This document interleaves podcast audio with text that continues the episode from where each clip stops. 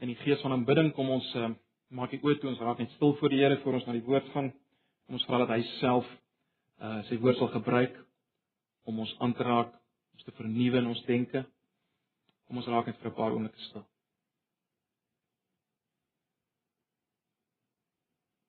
Here baie dankie dat ons nou nadat ons U aanbid het, U groot gemaak het. Ons nou kan vra dat U met ons sal praat deur die woord en deur die werking van U Gees. Maak dit stil in ons. Help ons om nou te vergeet van alles wat nog in hierdie dag moet gebeur, in hierdie week, alles wat gebeur het. Maak ons maar net bewus van onsself voor U.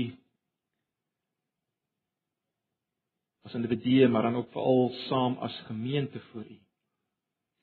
Maak ons vanoggend baie bewus weer eens van die feit dat ons deel is van 'n liggaam gebind aan mekaar en dat ons nou wil hoor wat U vir ons wil sê. Ag Here, ons kom vra dit in gebrokenheid en uitgebrokenheid. U ken ons, U ken my. U ken ons worsteling en sonde. Maar ons kom na U met vrymoedigheid alleenlik op grond van Here Jesus dit wat U in ons plek gedoen het. Die volmaakte offer wat U gebring het. Grond daarvan kom ons na U. Hoor ons as ons dit van U vra. Ag Here, ons wil bid in hierdie oomblik vir elkeen wat nie hier kan wees nie, die vele van ons wat nie hier kan wees nie. Ons wil bid dat U ook ver oggend waar hulle is die wat swaar kry en ly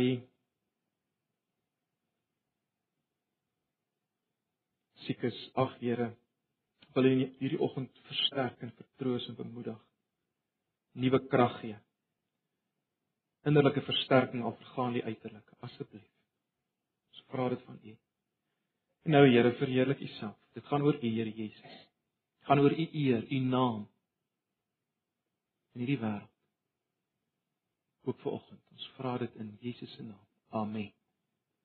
Goed, kom ons blaai in ons Bybels na Johannes hoofstuk 17. Johannes hoofstuk 17.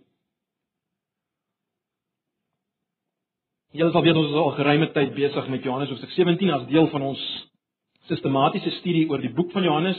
Stadig maar seker besig om deur die wonderlike boek van Johannes uh te beweeg, die boek wat geskryf is volgens hoofstuk 20 sodat ons kan lewe ware lewe kan hê. Uh, as ons sien wie Jesus werklik is en ons uh, verbind onsself aan hom dan het ons lewe. Uh, dis dis die hele tema van hierdie boek. Op die oomblik is ons besig om te kyk na Johannes 17. En ek wil hê ons moet uh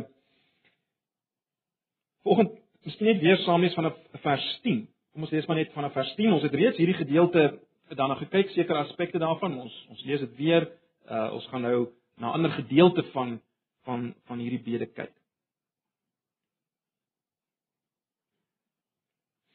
Vanaf vers 10 Johannes 17. Almal wat aan my behoort, behoort aan U en wie aan U behoort, behoort aan my en ek word deur hulle verheerlik.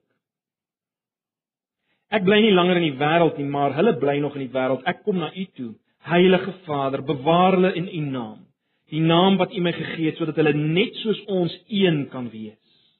Toe ek by hulle was, het ek hulle in U naam bewaar, die naam wat U my gegee het. Ek het hulle beskerm en nie een van hulle het verlore gegaan nie, behalwe die een wat verlore moet gaan sodat die skrif vervul kon word. Maar nou kom ek na U toe en ek sê dit terwyl ek nog in die wêreld is, sodat hulle my blydskap in al sy volheid in hulle kan hê. Ek het die ek het die woord aan hulle gegee en die wêreld haat hulle omdat hulle nie tot die wêreld behoort nie, net soos ek ook nie tot die wêreld behoort nie. Ek bid nie dat U hulle uit die wêreld moet wegneem nie, maar dat U hulle van die bose moet bewaar.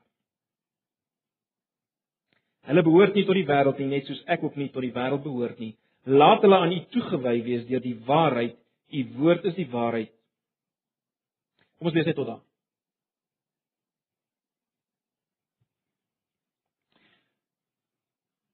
Broers en susters, ons is met ander woorde steeds besig as ons besig is met Johannes 17 is ons steeds besig om te staan op wat ek wil noem heilige grond. Ons staan op heilige grond. Ons luister na hierdie gebed wat Jesus kort voor sy kruisiging gebid het. Hy het dit hardop gebid sodat sy die disippels, sy disippels dit moet hoor. Baie doelbewus bid hy dit hardop. En hy bid dit hardloop sodat hulle bemoedig kan word en versterk kan word deur dit wat hy hier bid en net bloot op deur die feit dat hy hulle bid. Maar uh hy bid ook sodat hulle kan hoor wat hulle vir mekaar moet bid. Ek dink op 'n tweede vlak is dit verseker so. Wat hulle vir, vir mekaar moet bid in hierdie wêreld waar hulle self nou gaan bevind, 'n wêreld vol onsekerheid. 'n Wêreld vol onsekerheid, 'n wêreld vol smart, 'n wêreld vol pyn en hartseer en lyding en misleiding. So dis hoekom hy hierdie gebed bid. En natuurlik is hierdie gebed nou opgeskryf vir ons. Uh juis omrede dit hardop gebid is, kon dit opgeskryf word vir ons wat ver oggend hier sit in 2012 in Antipas in Pretoria, Suid-Afrika. Sodat ek en jy bemoedig en versterk kan word deur dit wat Jesus hier bid in die deurmekaar tyd waarin ons leef en sodat ek en jy weet wat ons vir mekaar moet bid. Onthou die disippels en dit sluit nou aan by wat ek uh, verlede Sondag in 'n sin oor gepraat het, maar die disippels was die kern, ek het dit al baie vir julle gesê, van die kerk wat sou kom. En ek en jy is nou daardie kerk wat ook genoem word die liggaam van Christus. Elke plaaslike gemeente is die is die sigbaar word van daardie liggaam. En daarom kan ons hierdie gebed absoluut vir ons vat. Nou, ons het ook gekyk en ek ek herhaal net maar bietjie net sodat ons almal weer op dieselfde blad kom. Ons het al heel aan die begin van hierdie studie hier by vers 6 het ons gesien wat is die grond van Jesus se gebed vir hierdie mense of, of waarom bid hy vir hulle? En ons het gesien uit vers 6 hy bid vir hierdie mense omrede hierdie mense mense is wat aan die Vader behoort het voordat daar enige reaksie van hulle kant af was. Sien dit in vers 6. Hulle het aan die Vader behoort. Die Vader het hulle by wyse van spreke gekoester en hulle eenkant gesit en hulle vir die seun gegee om vir hulle volmaakte verlossing te bewerk. En en hy wat die seun is, het die Vader se naam sien ons daar aan hulle geopenbaar. Wie God is, soos gesien in Jesus en hulle daarop gereageer, nê, nee, ons het daarna gekyk. Hulle het hulle het dit gevat. Hulle het dit geglo en hulle het oortuig geword daarvan. Dis die mense vir wie hy bid. Hy bid verder vir hierdie mense omdat hierdie mense, soos ons sien in vers 10b, hom verheerlik. Hy word in hulle verheerlik. Waarom bid hy vir hulle? Hy word in hulle verheerlik, sigbaar gemaak, opgelig. En dan in vers 13 sien ons ook dat hy bid sodat hulle blydskap kan hê in hierdie wêreld. Weereens broers en susters, ek het dit al gesê, maar ons moet hier raak sien dat dat die vir wie Jesus hier bid is baie baie na in sy hart.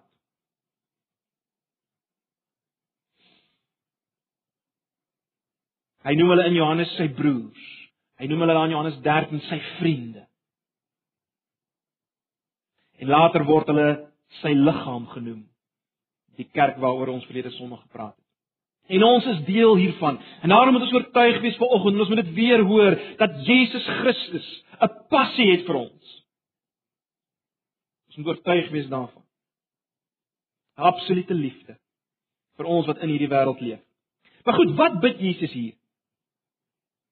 Ons het begin kyk daarna uh by by die vorige geleentheid. En ons het gesien vanaf vers 11b lees ons dat Jesus bid Vader bewaar hulle in u naam, die naam wat u my gegee het sodat hulle net soos ons een kan wees. Vers 15 Ek bid nie dat u hulle uit die wêreld moet wegneem nie, maar dat u hulle van die bose moet bewaar. En dan in vers 17, laat hulle aan U toegewy wees deur die waarheid. U woord is die waarheid of heilig hulle in U waarheid. U woord is die waarheid as jy die 53 vertaling het. So ons het gesien hy bid vir bewaring en hy bid vir heiligmaking.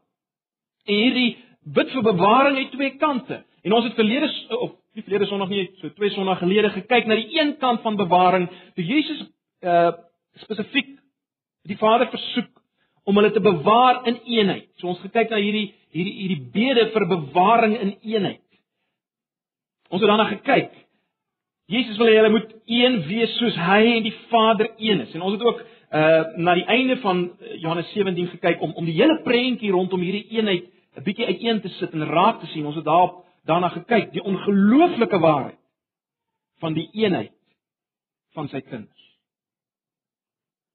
Maar vanoggend wil ek moet hê wil ek hê ons moet kyk na hierdie versoek van Jesus aan die Vader vir die bewaring van sy mense van die bose. Die bewaring van sy mense van die bose en ek wil hê ons moet net daarop fokus. En die eerste vraag wat ons moet vra as ons hierna kyk is dit: Wat is die verband tussen hierdie versoek om die bewaring van sy mense van die bose? Wat is die verband tussen dit en die die bede om eenheid? Wat is die verband daar tussen? Wel,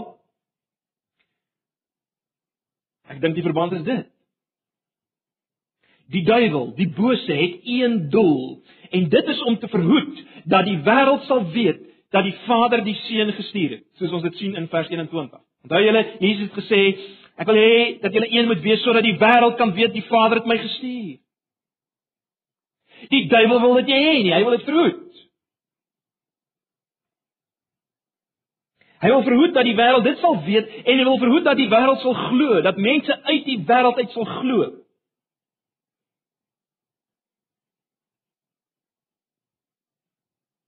Die bose wil dit verhoed. Hoe kan hy dit verhoed? Wel, hy kan dit verhoed as die mense van wie Jesus sê hulle is in hom soos hy in die Vader is. As hierdie mense nie een is nie. Kan die bose verhoed dat die wêreld vir die oortuiging kom dat Jesus deur die Vader gestuur is en hy kan verhoed dat hulle tot geloof uiteindelik kom. En dan 'n woorde, as hulle nie een is nie. As hulle nie een is nie en nie een bly nie. Of as anders gestel, as daar oneenigheid tussen hulle is of as sommige van hulle wegval, uitval uit hierdie groep van mense. Nee. As daar oneenigheid is of as van hulle uit sou val uit hierdie groep uit, dan sou die bose slaag in hierdie doel van hom. So wat is die fokus van die bose in hierdie tydperk waar Jesus nie meer hier is? Wat wat is die fokus van die bose? Wel, eenvoudig dit. Sy fokus is om Christene wat 'n eenheid moet wees te laat sondig. So eenvoudig is dit. Want sonde verbreek die eenheid. Broers en susters, ons moet verstaan sonde is per definisie die verbreeking van die verhouding met God en die verbreeking van verhouding tussen mekaar. Dis wat daar was in die tuin van Eden. Ons het al baie daaroor gepraat. Dis hoe dit was. Mense in verhouding met God en verhouding met mekaar. En as jy wil, kan jy sê dit is die koninkryk van God. Dis hoe dit lyk. Dis wat Jesus bedoel as hy sê die koninkryk van God het nou naby gekom. Dis nou weer moontlik om in verhouding met God te wees met mekaar. Maar goed, Sonde is die verbreeking daarvan. Hierdie twee dinge is aan mekaar verbind, né? Nee. Jy kan nie sê jy is in verhouding met God as jy nie in verhouding is met die persoon rondom jou nie. Jy kan nie. Dis al Johannes sê in 1 Johannes Hy wat sê dat hy God liefhet, maar sy broer nie liefhet nie. Hy lieg. Jy lieg volgens Jy sê jy het God lief, maar jy het nie jou broer en suster lief nie. Dis wat die woord sê. So, jy kan sien dis uiters belangrik. En en dit dis wat die Satan se fokus is, né? Nee. Dis wat die Satan se fokus is. Want as dit kan plaasvind, as hy sonde kan laat plaasvind wat 'n verbreeking is van hierdie verhouding, dan is Jesus se mense nie meer 'n afbeelding van die eenheid tussen hom en sy Vader nie. Of anders gestel, dan is hulle nie meer 'n geloofwaardige voorstelling aan die wêreld van wie hy is nie. Ha, dis wat die bose wil hê. Hy wil hê hulle moet 'n geloofwaardige voorstelling wees van die verhouding tussen Jesus en sy Vader. En nou wat ons hier sien is dat die Vader of dat Jesus versoek dat die Vader nie hierdie mense sal uitneem uit die wêreld nie, Met ander woorde, die Vader moet hulle nie uitneem sodat hulle kan een wees nie. Nee. Jesus bid dat hulle in die wêreld as eenheid bewaar sal word, né? Nee, van die bose. Hy bid dat hulle in die wêreld bewaar sal word. So dis dis waar hierdie bede inpas. Dis die verband tussen die die gebed om eenheid en die gebed om die bewaring van die bose. Dis hoe dit by mekaar inpas.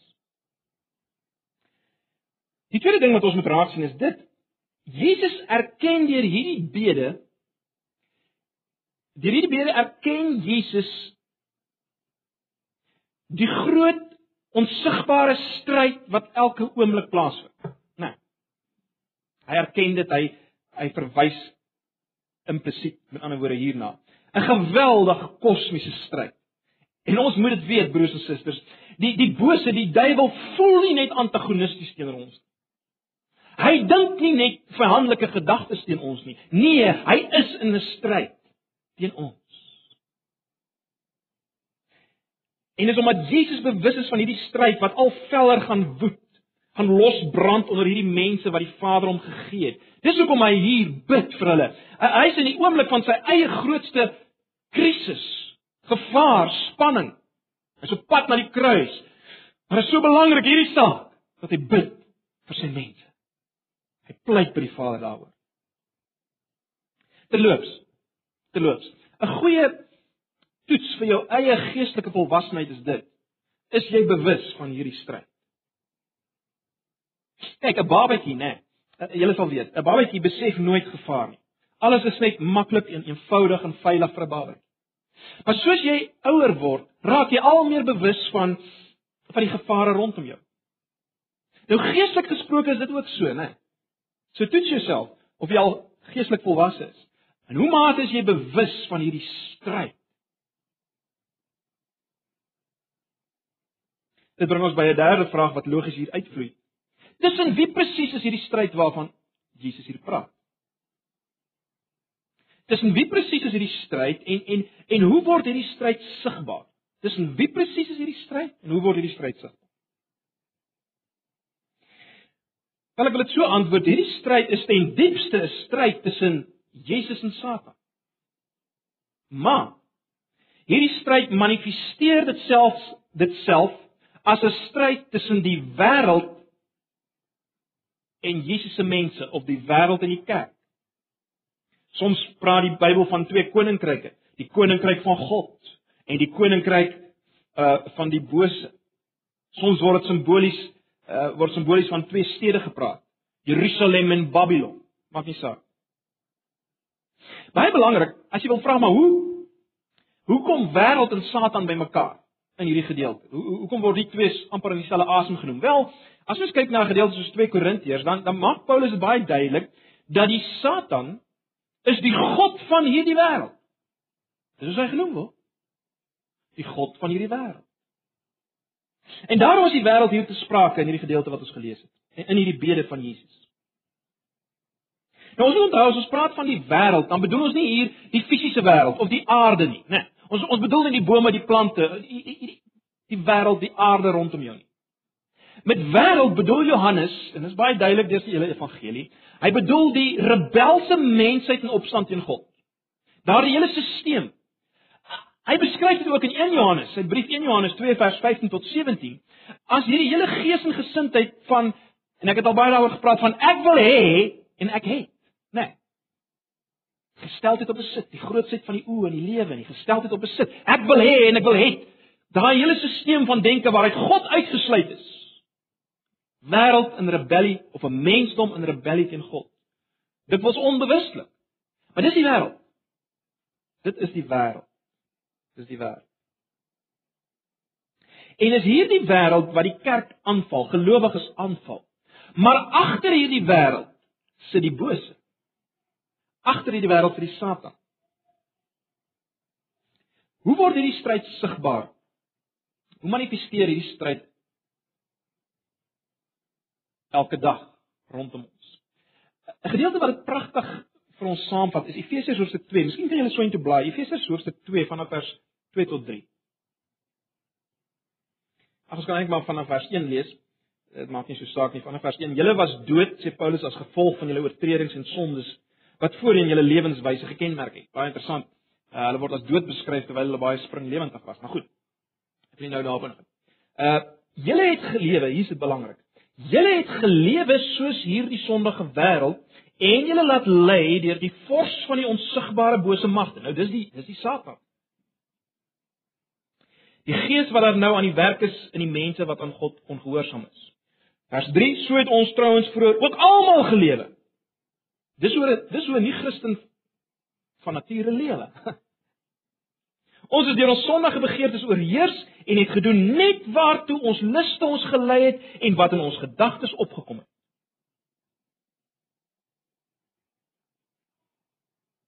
So wat sien ons hier? Die vors van die onsigbare bose magte, die bose, die duiwel, net soos jy dit wil beskryf, het ten doel dat ons sal lewe soos die sondige wêreld. Hy wil hê mense moet so lewe. So die wêreld verlok en verlei, maar agter die wêreld sit die bose. Dit is baie interessant. Uh as jy so kyk na hierdie dit wat Paulus daar sê. En dan word mense dink hulle is geweldig vry. Uh, val nie Christene nie. Dink ons ontsettend vry. Dink hulle hulle maak net wat hulle wil. Net waartoe hulle lus hulle lei. Hulle dink ons absoluut vry, maar intussen leef hulle net soos die wêreld. En meer as dit, hulle word gelei deur die onsigbare mag, die die, die bose. Nee, so hulle is eintlik slawe. Dis die tragedie van van die toestand van 'n nie-Christen. As jy vanoggend hier sit as nie-Christen, dis jou toestand. Maar jy sien, dis waarna toe die die duiwel altyd op pad is. Dis waarna toe hy ons wil druk. Om soos hierdie wêreld te lewe. Want, let op. Let op. Hoe lyk Hoe lyk die deel wees aan die wêreld? Ons het deur ons sondige begeertes oorheers en het gedoen net waartoe ons luste ons gelei het en wat ons in ons gedagtes opgekom het. Nou broers en susters, as ons mooi daarna kyk, dan dan kan ons sê In die lig daarvan kan ons sê elke gees van onafhanklikheid, elke gees van onafhanklikheid wat sê jy het wat nodig het eh, of jy het wat jy nodig het in jouself. Jy het niks en niemand anders nodig nie. Jy het wat nodig het in jouself. Jy het niks en niemand nodig nie. Jy het ook nie jou broers en susters nodig. In die lig van hierdie gedeelte moet ons sê wel dit is 'n wêreldse gees en daarom satanies. Dit moet ons sê in die lig van hierdie gedeelte. Elke gees wat sê jy kan jou eie lewe en jou eie toekoms bepaal, is wêrelds. Satanies. Elke gees wat sê leef nou, hier en nou vir die maksimum sekuriteit, dis baie meer werd as geestelike waardes. Dis baie meer werd as verhoudings. Elke gees wat dit sê is wêrelds. Satan.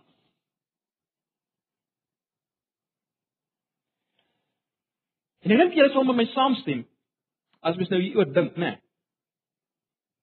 Hierdie gees van onafhanklikheid en selfhandhawing of individualisme, die vloek van ons tyd. Hierdie gees van onafhanklikheid, selfhandhawing, individualisme, wat veroorsaak dit binne Jesus se mense? sy liggaam, sy kerk. Wat veroorsaak dit? Wel skeuring. Oneenigheid.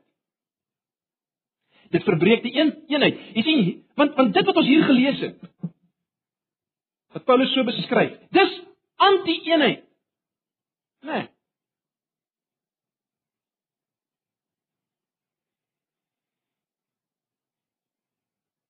Dis anti-verhouding. En daarom anti-eenheid anti-eenheid, anti-verhouding, net soos jy dit self stel. Hoekom? Want dit gaan oor jouself. As jy leef soos die wêreld, dan gaan dit oor jouself. As jy leef soos die duiwel wil hê jy moet leef, dan gaan dit oor jouself. Jou eie opinies, jou idees. En baie gou word randwaarhede dan in die plek van kernwaarhede gesit. Ag en interloops broers en susters, weet julle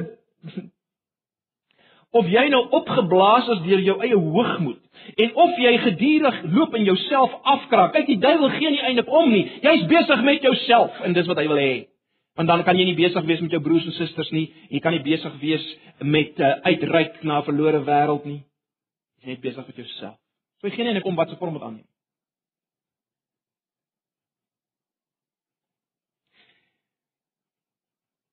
Maar jy sien kenmerkend van hierdie gees van die wêreld is dat dat dit dan begin gaan nie meer oor die kernwaarhede wat ons in eenheid saambind, naamlik wie Jesus is. Wie God is soos gesien in Jesus nie. Nee, dit gaan oor oor oor oor randwaarhede en voorkeure, oor kleinighede. Dit gaan oor dinge soos ek hou van hierdie kleurstoele en die ander ou hou van daai kleurstoele en, en en ek het altyd op hierdie stoel gesit en nou weet selfs so belaglik.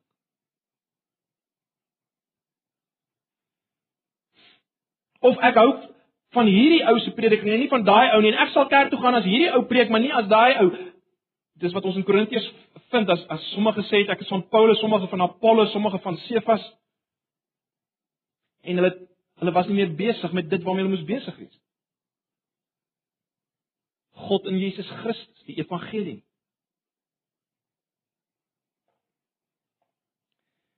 Ek lees die ander dag 'n uh, artikel waar die persoon dit so stel. Die tragedie van van hierdie wêreldsheid onder Christene. Hy sê dit lyk so they would rather argue than evangelize.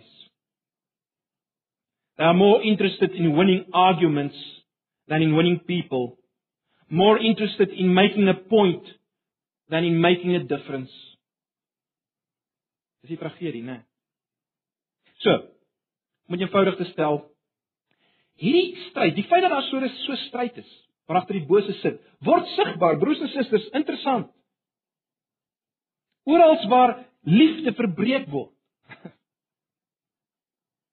Want liefde vir mekaar is die bewys van die realiteit van Jesus. Sê hy nie hier dan sal die wêreld weet dat julle my disippels is, as julle mekaar liefhet nie en dit word weer in Johannes 17 ook herhaal.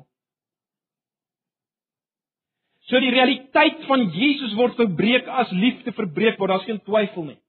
En Satan haat Jesus. So as hy Jesus so kan bykom, dis wat hy wil doen. So dis is dis is stryd. Dis hoe dit sigbaar word. 'n Volgende ding wat ons moet besef, wat duidelik word uit hierdie gedeelte, ons moet besef dat die wêreld haat ons. sien julle dit in vers 14? Ons moet dit ons moet dit vat. Die wêreld is nie noodwendig bewus dat die Satan uiteindelik wil hê dat gelowiges nie meer in 'n een eenheid moet wees en so meer nie. Die wêreld is nie noodwendig daarvan bewus nie. Maar jy sien die die Satan gebruik die wêreld juis omdat hulle Christene haat. En, en daarom uh, kom die wêreld die die duiwel handig te pas. Terloops is baie interessant, die wêreld haat nooit die namaaksel van Christendom. Die die wêreld haat nie moralisme nie, hoor. Die wêreld hou van goeie ouens. Die wêreld hou van die Lady Diana's van die wêreld. Die wêreld hou van hulle. Dis gevul. Maar die wêreld haat Christene. Hoekom? Want die wêreld haat Jesus. Het Jesus dit nie oor en oor vir sy disippels gesê ook in Johannes Evangelie nie? As hulle my gehaat het, sal hulle julle haat. Hulle sal julle haat. As hulle die dienaar haat, hoeveel te meer sal die diensknegte haat en so meer? Baie gedeeltes wat Jesus dit duidelik maak. Hoekom haat mense Jesus? Wel, broers en susters, want die koms van Jesus na die aarde openbaar die toestand van die wêreld en mense wat deel is van die wêreld hou nie daarvan dat hulle toestand openbaar word. Jy sien, ek het dit al gesê, as Jesus wat God is, mens word, dan sê dit, dan is dit 'n kosmiese verklaring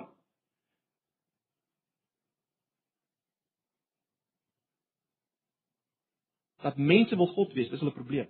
sien julle dit? As Jesus wat God is, mens word, dan is die probleem van mense dat hulle nie mense wil wees nie, maar wil God wees.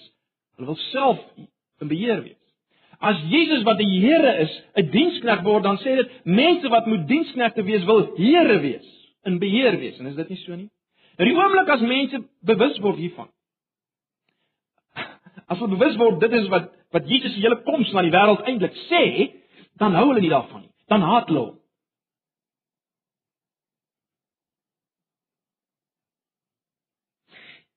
Jy sien Jesus se bestaan en daarom Christene se bestaan sê dat die wêreld 'n probleem het, dat mense wat deel deel is van die wêreld 'n probleem het.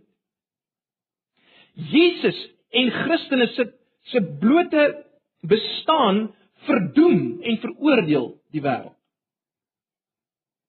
Want dit sê dat die natuurlike mens homself nie kan red nie. Sy filosofie en sy al sy kennis en al sy goeie lewe kan hom nie red nie. En mense hou nie daarvan. Hulle haat dit. Die kruis is natuurlik die toppunt daarvan, né? Nee. Want die kruis sê almal is skuldig. Almal is is doemenswaardig. Né? Nee, die kruis sê almal is skuldig, almal moet verdoem word. Mense hou nie af. Hou nie af.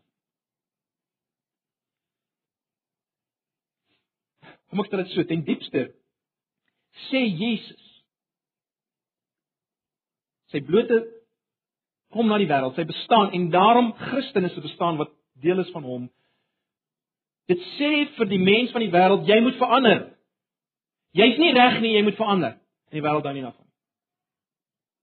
Want hulle die duisternis liewer as die lig, sê Jesus. Hulle hou nie daarvan om te hoor hulle moet verander. Hulle haat dit. So, wat is die punt van net? Broers en susters, as jy 'n Christen is, hoef jy jouself nie ongewild te maak deur deur allerlei snaakse goed te doen nie. Net deur die feit dat jy een is met Jesus en staan vir wat hy staan, gaan die wêreld jou haat. Ek dink in vers 13 sien ons nog 'n In 'n sekere sin is dit verskuil daar, sien ons nog 'n rede waarom die wêreld ons haat en dit is omrede as jy kyk na vers 13, die wêreld het ag die die die kind van God het 'n vreugde, né? 'n Vreugde. Jesus verwys daarna in vers 13.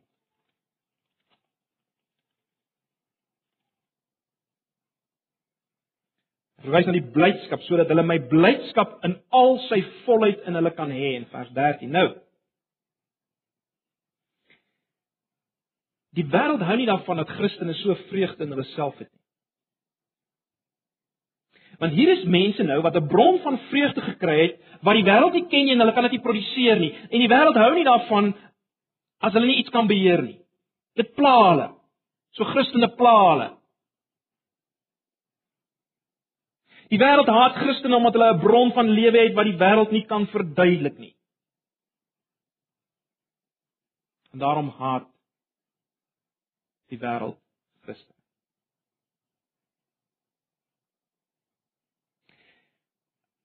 Ek haas my aan. Hoekom is dit belangrik om te besef dat die wêreld en die duiwel ons haat? Wel, broers en susters, sodat ons kan besef dat hierdie stryd is gevaarliker en veller as wat ons dink. Want daar's haat. daar's haat. Dit is interessant, nee, as Petrus praat van die in 1 Petrus 5 vers 8 dan dan sê hy vir vir die gelowiges daar die die, die julle vyand die duiwel loop rond soos 'n brullende leeu wat soek wie hy kan verslind. Dis die beeld. Geweldige beeld. Ons moet verstaan die duiwel is 'n Jesus sê dit self. Hy is 'n mensemoordenaar. In dieselfde boek Johannes sê dit. Die duiwel is 'n mensemoordenaar. Hy voel vir jou niks. Hy sal enigiets iets gebruik as hy nie uh gebrek en armoede kan gebruik nie, as hy rykdom gebruik om jou afvallig te maak, ongelowig te maak en dan vir implikasie jou eenheid te verbreek met jou medebroers en susters. Dit waarna ons net nou gekyk het. Hy sal enigiets gebruik. Hy sal enigiets Ons het nie vanoggend die tyd en dis nie die plek om te praat oor al die maniere waarop die duiwel ons aanval nie, hoe jou denke aanval nie. Hoe hy jou vreesagtig maak ensovoorts ensovoorts. Ons ons ons fokus nie vanoggend daarop nie. As jy kyk na Efesiërs 6, kan mens daarop fokus. Al wat ek wil hê is jy moet iets hiervan raak sien. Van die gevaarlikheid, die erns van hierdie stryd. Broers en susters, Jesus self is nie onder enige illusie oor die krag van die Satan nie. En daarom bid hy vir ons. Ons moet nie onder illusie wees van hierdie dinge.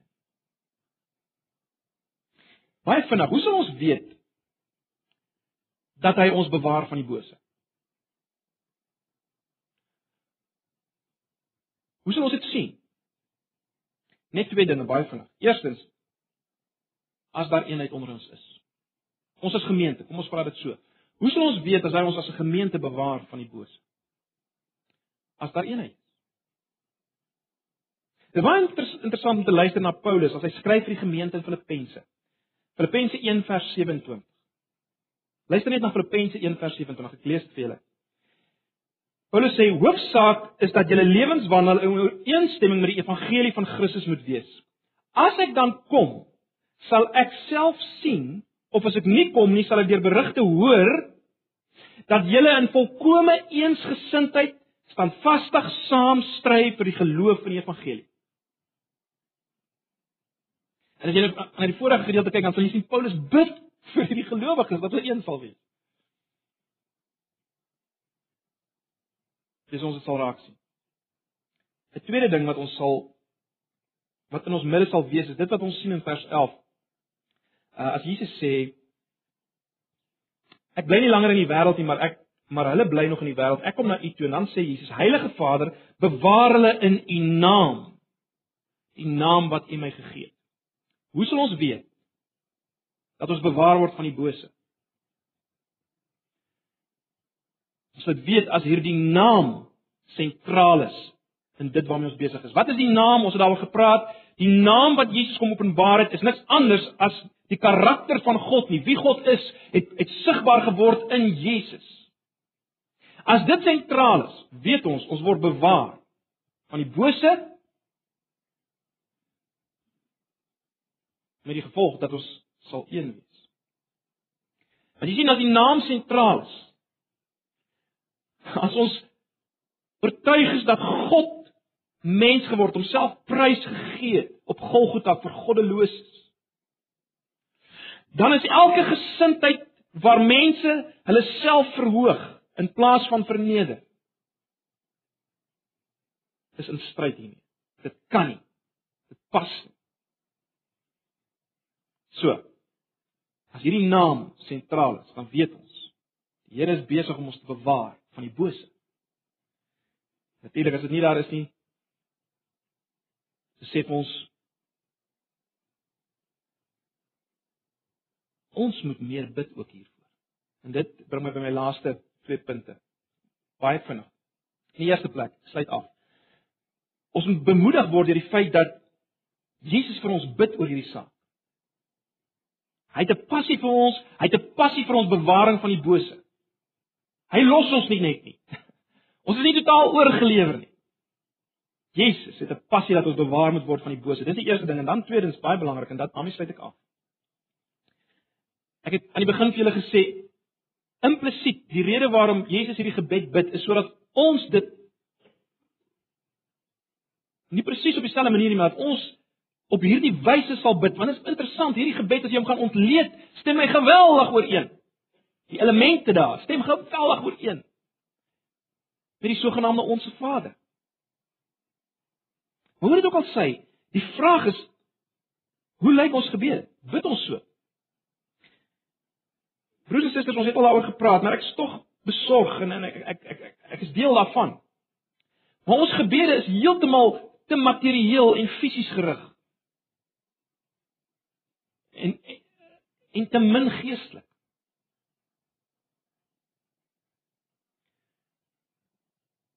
Wat probeer ek sê? Broers en susters, ons moet baie meer bid vir mekaar, vir ons gemeente, vir gemeentes, vir God se kinders oor die wêreld, vir bewaring van die bose. Hy's 'n realiteit. Hy's 'n geweldige krag. Dit gebeur nie outomaties nie. Ons moenie onsself laat bluf nie. Moenie onsself laat bluf nie. Die duiwel sal nie rus. Die bose sal nie rus tot ons almal uitmekaar uitspat niks meer oor is van 'n een eenheid, 'n liefde vir mekaar en 'n liefde vir God. Hy sal nie rus nie. Glo ons dit. Dan moet ons mekaar bid. Ek gee 'n geleentheid. Kom ons maak ons oë toe. Nou, soos ons hier sit, kom ons gebruik 'n paar oomblikke en ons bid vir hierdie een saak. Ons bid dit wat Jesus hier bid. Die Here ons sal bewaar van die bose. Kom ons bid. Kom ons word stil bly die Here daarvoor. Ag Here, baie baie dankie dat ons in hierdie oomblikke bewus kon word net weer eens van die realiteit van die geveg waarin ons staan. Ons dink in hierdie oomblik aan dit wat ons in Efesiërs 6 sien dat Paulus sê ons worstelstryd is nie in die eerste plek teen vlees en bloed nie, maar teen die owerhede, die magte, bose geeste in die lig. Ag Here, baie dankie vir hierdie gebed. Dankie dat U vir ons intree. Ag Here, ek dink so aan daai gedeelte wat jy vir Petrus gesê het. Petrus, ek het die Satan het begeer om julle te sif en ek het vir jou gebid. Is ons moeilik om te verstaan en te begryp, maar Here, dit sê vir ons iets van wie U is en hoe U oor ons voel en dit sê vir ons iets van hierdie stryd. En ek wil pleit dat U ons as gemeente al meer bewus sal maak daarvan. Dat ons nie eenheid en liefde ons sal spreek en sal aanvaar. Ons sal weet die duiwel haat ons. Die wêreld haat ons. Omdat U haat. Asseblief, Here. Kom werk in ons midde, kom bevestig deur die Gees hierdie waarheid in ons. Ons vra dit in Jesus se naam. Amen. Kom ons sluit af met 'n laaste